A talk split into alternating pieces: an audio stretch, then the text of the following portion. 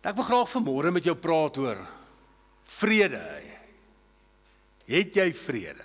As jy nie vrede het nie, dan moet ons vrede kry.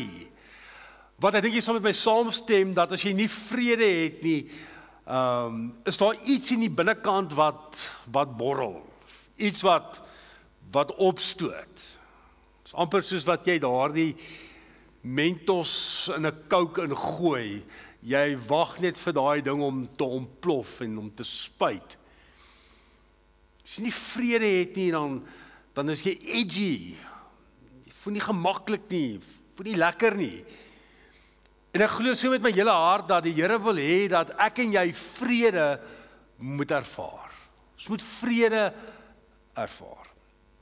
Nou as ons kyk na Filippense 4 wat ons teksgedeelte is en ons lees daarvan af die 4de vers, dan sê Paulus: "Wees altyd bly in die Here. Ek herhaal wees bly. Wees inskikkelik teenoor alle mense, die Here is naby." Moet oor niks besorg wees nie, maar maak in alles julle begeertes deur gebed en smeking en met danksegging aan God bekend. En dan vers 7. En die vrede van God wat alle verstand te bowe gaan, sal oor julle harte en gedagtes die wag hou in Christus Jesus. Verder broers, alles wat waar is, alles wat edel is, alles wat reg is, alles wat rein is, alles wat mooi is, alles wat prysenswaardig is, watter deeg of lofwaardige saak daar ook mag wees, daarop moet julle julle gedagtes rig. En wat julle van my geleer en ontvang en gehoor en gesien het, dit moet julle doen. En God wat vrede gee, sal by julle wees. Ons sien ook in in Lukas waar Sagaria oor Jesus profeteer, skryf hy die volgende.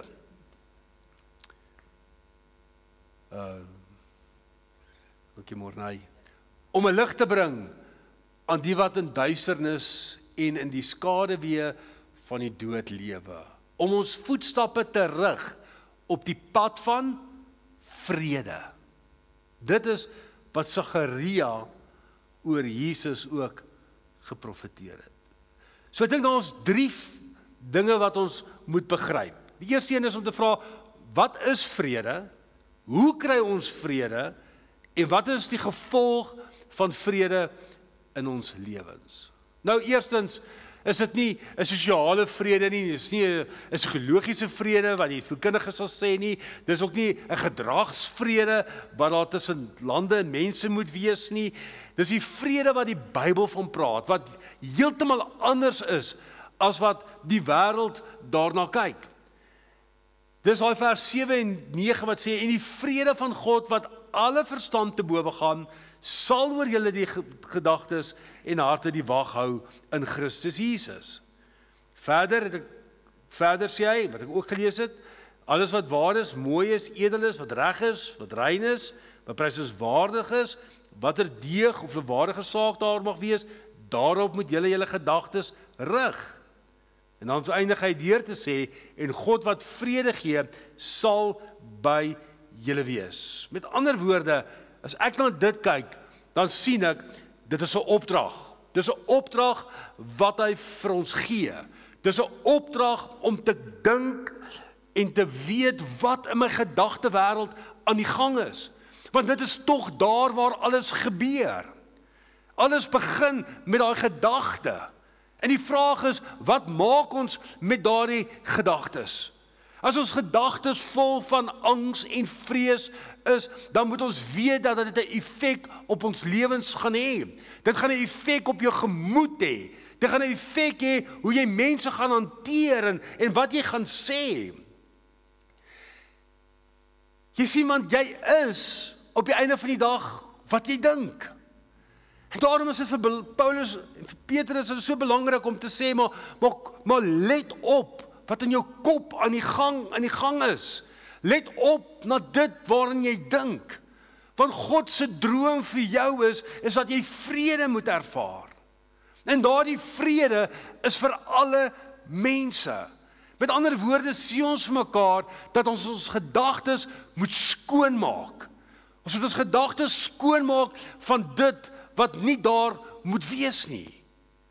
Ons moet ontslaa raak van dit wat negatief in jou kop is. Hy wil ons hê ons moet ontslaa raak van die angstigheid wat ons beleef. Jy sien, jy kan nie keer as die kraai oor jou kop vlieg nie. Jy kan nie keer as daardie gedagtes in jou kop kom nie. Maar jy kan keer dat daai kraai in jou kop 'n nes maak. En dis baie keer wat ons doen, ons laat toe dat daai gedagte posvat in ons lewens. Ons laat toe dat dit wortels skiet. En dan beïnvloed dit ons. Dit beïnvloed wie ons is en dit wat ons dink. Jy sien daarom is is Paulus en hy sê maar maar maar pas op wat jy dink. Sit 'n filter in. Sit 'n filter in dat dat wanneer daardie gedagtes deurkom dat dat jy dit kan filter. En die gemors wat ingekom het, laat dit uitgaan. En fokus op dit wat hy graag wil hê jy moet op fokus. Dit is 'n storie van iemand wat saam met iemand iemand bekends raakloop. Tomaties groet jy en vra hom hoe gaan dit met jou en gaan goed dankie en hoe gaan dit met jou werk? En die ou begin nou toe te vertel hoe sleg gaan dit by die werk en hoe vrot baas hy het en onredelik en onregverdig en hy sê so in die gesprek toe ehm um, toe sê die persoon, "Oké, okay, dankie, was lekker om jou te gepraat het en draai om 'n loop. Hy dog jy dis 'n bietjie ongeskik geweest. Hoe hoe sny jy sommer net so gesprek so af? En hy vra maar, hoorie, hoekom het jy nou nie verder geluister nie? Hy sê, "Hoekom hoekom moet ek daarna luister? Hoekom moet ek my my kop daarvan volmaak? Hoekom moet ek die geleentheid skep dat hierdie ou kom praat oor negatiewe en slegte goedes van hierdie ou? Hy sê ek is nie lus daarvoor nie." Net nou baie keer moet ons ook half daardie houding inneem om eerder te fokus op gesprekke wat positief is en wat opbouend is en wat sinvol is. Dit daar's 'n les daarin te leer. Jy sien en dan is daar 'n geleentheid om om om mooi te maak. Want as jy iets uithaal, dan moet jy hom vul met iets. En die woord sê vir ons dat dat kyk na jou gedagtes. Rig jou gedagtes op op dit wat mooi is. Maak jou gedagtes vol van dit wat belangrik is.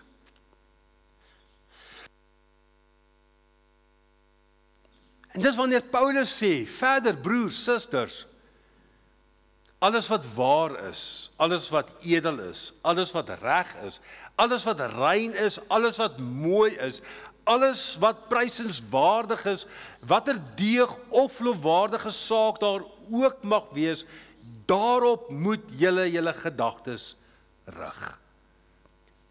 Paulus sê dit moet jy vat en jy moet dit volmaak in jou gedagtes. Jy moet jou gedagtes volmaak van hierdie eienskappe wat hy vir ons hier noem. Nou sê jy maar wat beteken dit? Ons gaan kyk 'n bietjie na die oorspronklike teks. Dit wat waar is, die semna, die Grieks beteken vir goddelik verhewend. Dus iets wat volgens goed, waar en reg is. Dat dit wat in jou gedagtes ingaan, is vir God ook goed en waar en reg. Dit wat mooi is, kan vertaal word met aantreklik en gee plesier.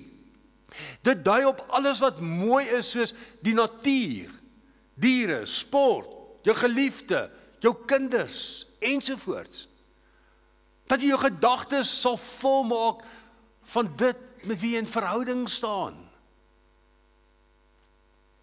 Prysenswaardig om goed te praat van.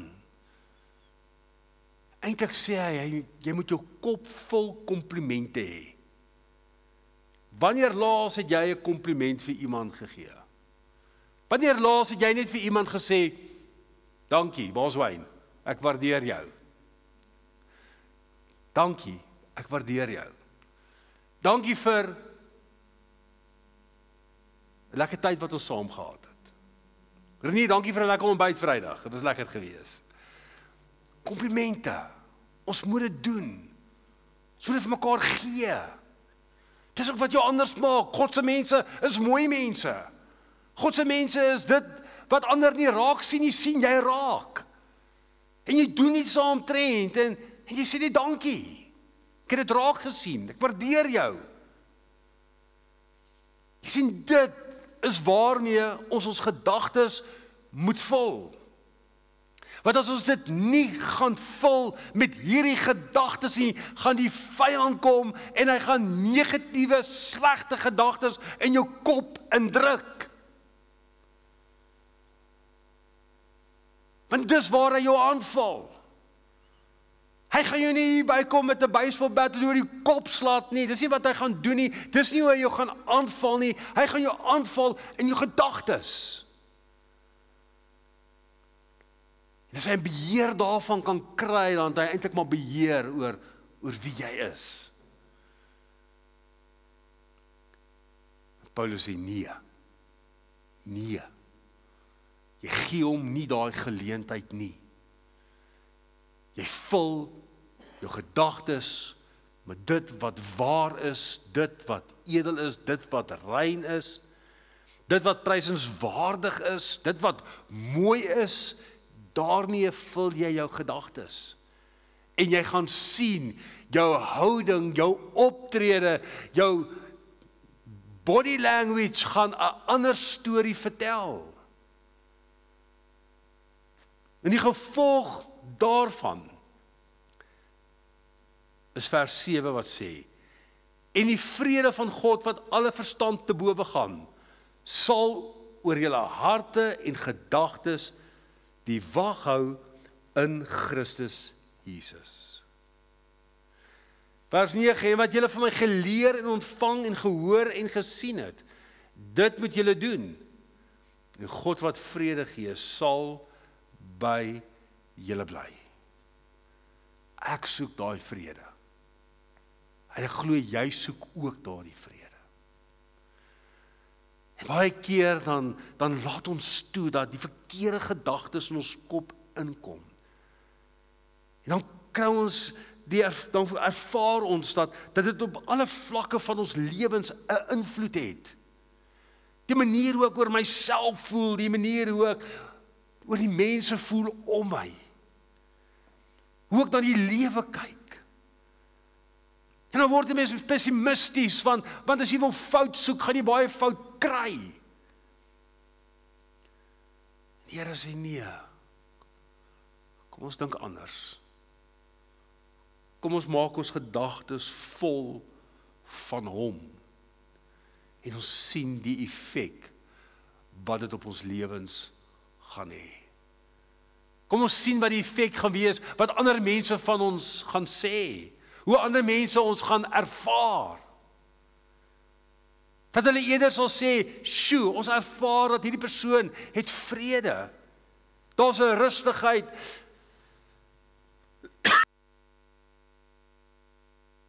Daar's 'n kalmte. Dis aangenaam om in sy geselskap te wees." Jy sien wanneer ek dink dit begin om dit miskien terug te draai om te sê, "Wat dink God van my en jou. Nou as ons dit bietjie daaroor dink, dan dink ek die gedagtes wat God vir jou het is mooi. Die gedagtes wat hy oor jou koester is is 'n is 'n iets wat jou kan opgewonde maak. Wat hy 'n droom vir jou het, 'n verwagting van jou.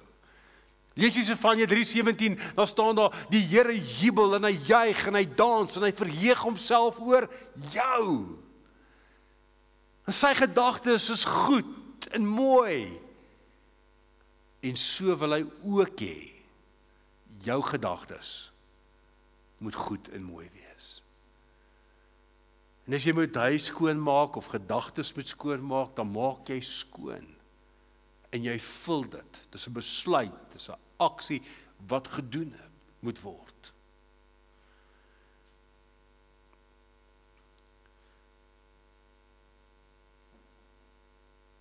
En hy het die begeerte dat jy daardie vrede in jou eie lewe moet ervaar. Dink nou net daaraan, ek het dit gemis want ek wou 'n bietjie korter gemaak het. So daar's net twee werkwoorde in daardie gedeelte. Die eerste een is moenie besorg wees nie. Die volgende werkwoord is julle moet julle gedagtes rig. Rig jou gedagtes. Dis 'n aksie. Dit vat iets om oor te gaan en dit te doen. En ek wil graag afsluit. En ons gaan vir die aanlyn kykers moet moet groet. Is regtig om om regtig jou gedagtes te rig op God. Maar dit gaan belangrik wees dat dat jy sal besef hoe God oor jou voel en wat hy van jou dink. En daarom wil ek graag daardie liedjie wat ek graag wil hê julle moet by die huis gaan luister, is daai liedjie van You Say van Lauren Daigle. En dat jy dit sal gaan luister, dat jy die woorde sal gaan lees. Vir al hierdie stemme wat in jou kop is. En wat God ook vir jou wil sê. So graag hê dat julle dit moet self moet gaan luister as ons dit op YouTube los, dan gaan hulle ons blok en mag die Here julle dan ook ryklik seën.